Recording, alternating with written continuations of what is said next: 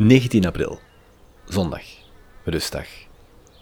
En nee, ik ga niet klagen over het weer. Het is wat het is. De regen was trouwens heel hard nodig. Wat mij de afgelopen uren is opgevallen, is dat er meer en meer artikels online verschijnen over de, die de zin van de quarantainemaatregelen in vraag stellen. Die het afnemen van de vrijheden voor jou als individu bekritiseren. Die wijst naar onze eigen verantwoordelijkheid. Die wijzen naar het feit dat we slaafs het Chinese voorbeeld volgen. Terwijl in andere Aziatische landen, zoals Zuid-Korea bijvoorbeeld, er op een veel andere manier is gereageerd. En die wijzen op het dictatoriale trekje van China. Is dat zo? Zijn we effectief in overdrive gegaan? Ja, daar ben ik zeker van. Eigenlijk altijd wel zeker van geweest. Alleen, het is nu nog niet het moment om hierover in discussie te gaan. Wel al binnenskamers om te gaan kijken hoe we volgende pandemieën gaan aanpakken. Hoe we niet ons leven gaan laten verlammen door een virus. Hoe we onszelf niet bang gaan maken voor iets waardoor we alleen maar buiten proportie bang gaan worden.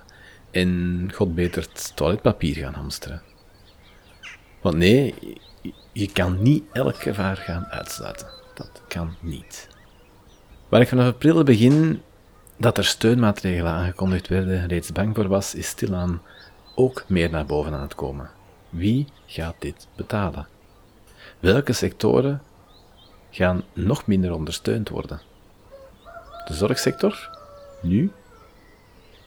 Dat gaat even niet gemakkelijk worden, denk ik.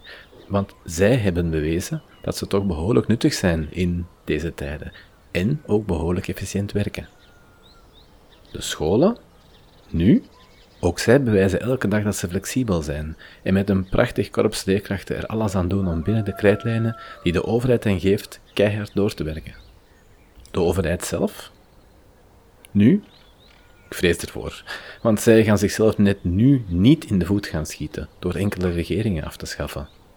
Kan het goedkoper? Ongetwijfeld. Heel dat systeem is log, maar dat verander je niet in 1, 2, 3. Voor we naar een lockdown konden gaan, zijn er toch ook eerst enkele weken voorbij gegaan. De geesten moeten eerst rijpen. Er komen trouwens nog een pak meer extra kosten aan. Psychologen en psychiaters gaan een pak meer werk hebben om mensen met mentale kwetsuren op te vangen.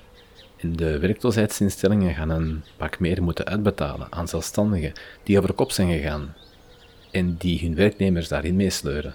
Met andere woorden, wie gaat dit betalen? Gaat een centrum-rechtssysteem ons hier kunnen uithalen? Of hebben we hier centrum-linkse oplossingen voor nodig? Of links? Of rechts? Of gaan we naar een naoorlogse periode, waar een heel land zich enorm inzet om met vereende krachten uit het dal te kruipen? Waar baby's boomen, met dan over twintig jaar een mei 68 moment. Ach, we zullen wel zien. Waar ik een beetje schrik voor heb, dat klanten stilaan het gehad gaan hebben met de maatregelen die we als op supermarkten opleggen.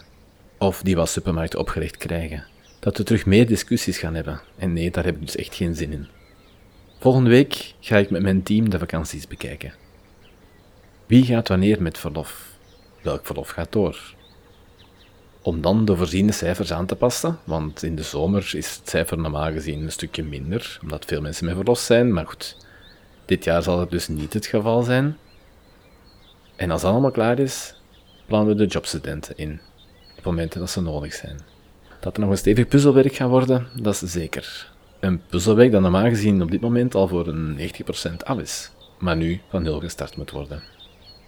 Het zijn boeiende tijden inderdaad. Deze ochtend zette ik om iets voor 7 uur mijn opnametoestel buiten. Buiten bij ons thuis aan het slaapkamerraam, op het platdak. Ik heb ruim 1 uur en 15 minuten ochtendelijk vogelgekwetter opgenomen. Heerlijk. Op de achtergrond van deze podcast kan je het al horen. En hierna ga ik nog een andere podcast publiceren en daar kan je de volledige ongecensureerde versie horen. Tot een volgende keer.